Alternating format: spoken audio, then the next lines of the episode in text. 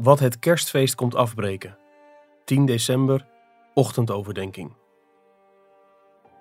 Hiertoe is de Zoon van God geopenbaard, dat hij de werken van de duivel verbreken zou. 1 Johannes 3, vers 8. De komst van de eeuwige Zoon van God in de wereld als de Godmens, Jezus Christus, is een historisch feit. Toch zijn er duizenden mensen die zeggen dat ze dit feit geloven, maar vervolgens net als ieder ander leven. Ze zijn net zo bezorgd om goede dingen kwijt te raken en net zo gefrustreerd als ze slechte dingen niet kunnen veranderen. Als je in een enquête de juiste antwoorden weet op vragen over godsdienstige feiten uit de geschiedenis, put je daar niet vanzelf ook kracht uit.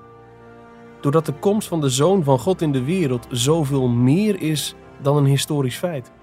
Het gaat om een boodschap van hoop, door God gezonden aan tieners, alleenstaande ouders, chagrijnige echtgenoten, nukkige echtgenotes, vrouwen met overgewicht, zwakke mannen, gehandicapte buren, mensen die zich tot hetzelfde geslacht voelen aangetrokken, predikers en geliefden. Door God gezonden, ook aan jou. Omdat de Zoon van God leefde, stierf, opstond, regeert en terugkomt, is Gods boodschap door hem veel meer dan een historisch feit. Het is een kerstgeschenk voor jou vanuit het woord van de levende God. Zo zegt de Heer. De betekenis van kerst is dat wat goed en waardevol is in je leven nooit verloren hoeft te gaan. En dat wat slecht en ongewenst is in je leven kan worden veranderd. Het is kerst geworden om de vrees af te breken dat de weinig goede dingen die je gelukkig maken je door de vingers zullen glippen. En het is ook kerst geworden om de frustratie af te breken dat de slechte dingen, die waar je in jezelf of je situatie een hekel aan hebt, niet kunnen veranderen. In deze adventstijd luidt de boodschap van God dat wat goed is, nooit verloren gaat.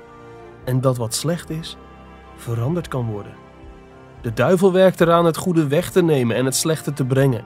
Jezus is gekomen om de werken van de duivel te verbreken.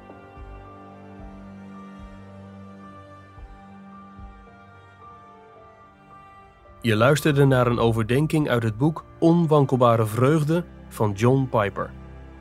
Het boek bevat 50 ochtend- en avondoverdenkingen voor Advent om je te helpen Christus centraal te stellen. Ga naar de webshop van Geloofstrusting om het boek te bestellen of ga naar onwankelbarevreugde.nl voor een online dagboek voor het hele jaar.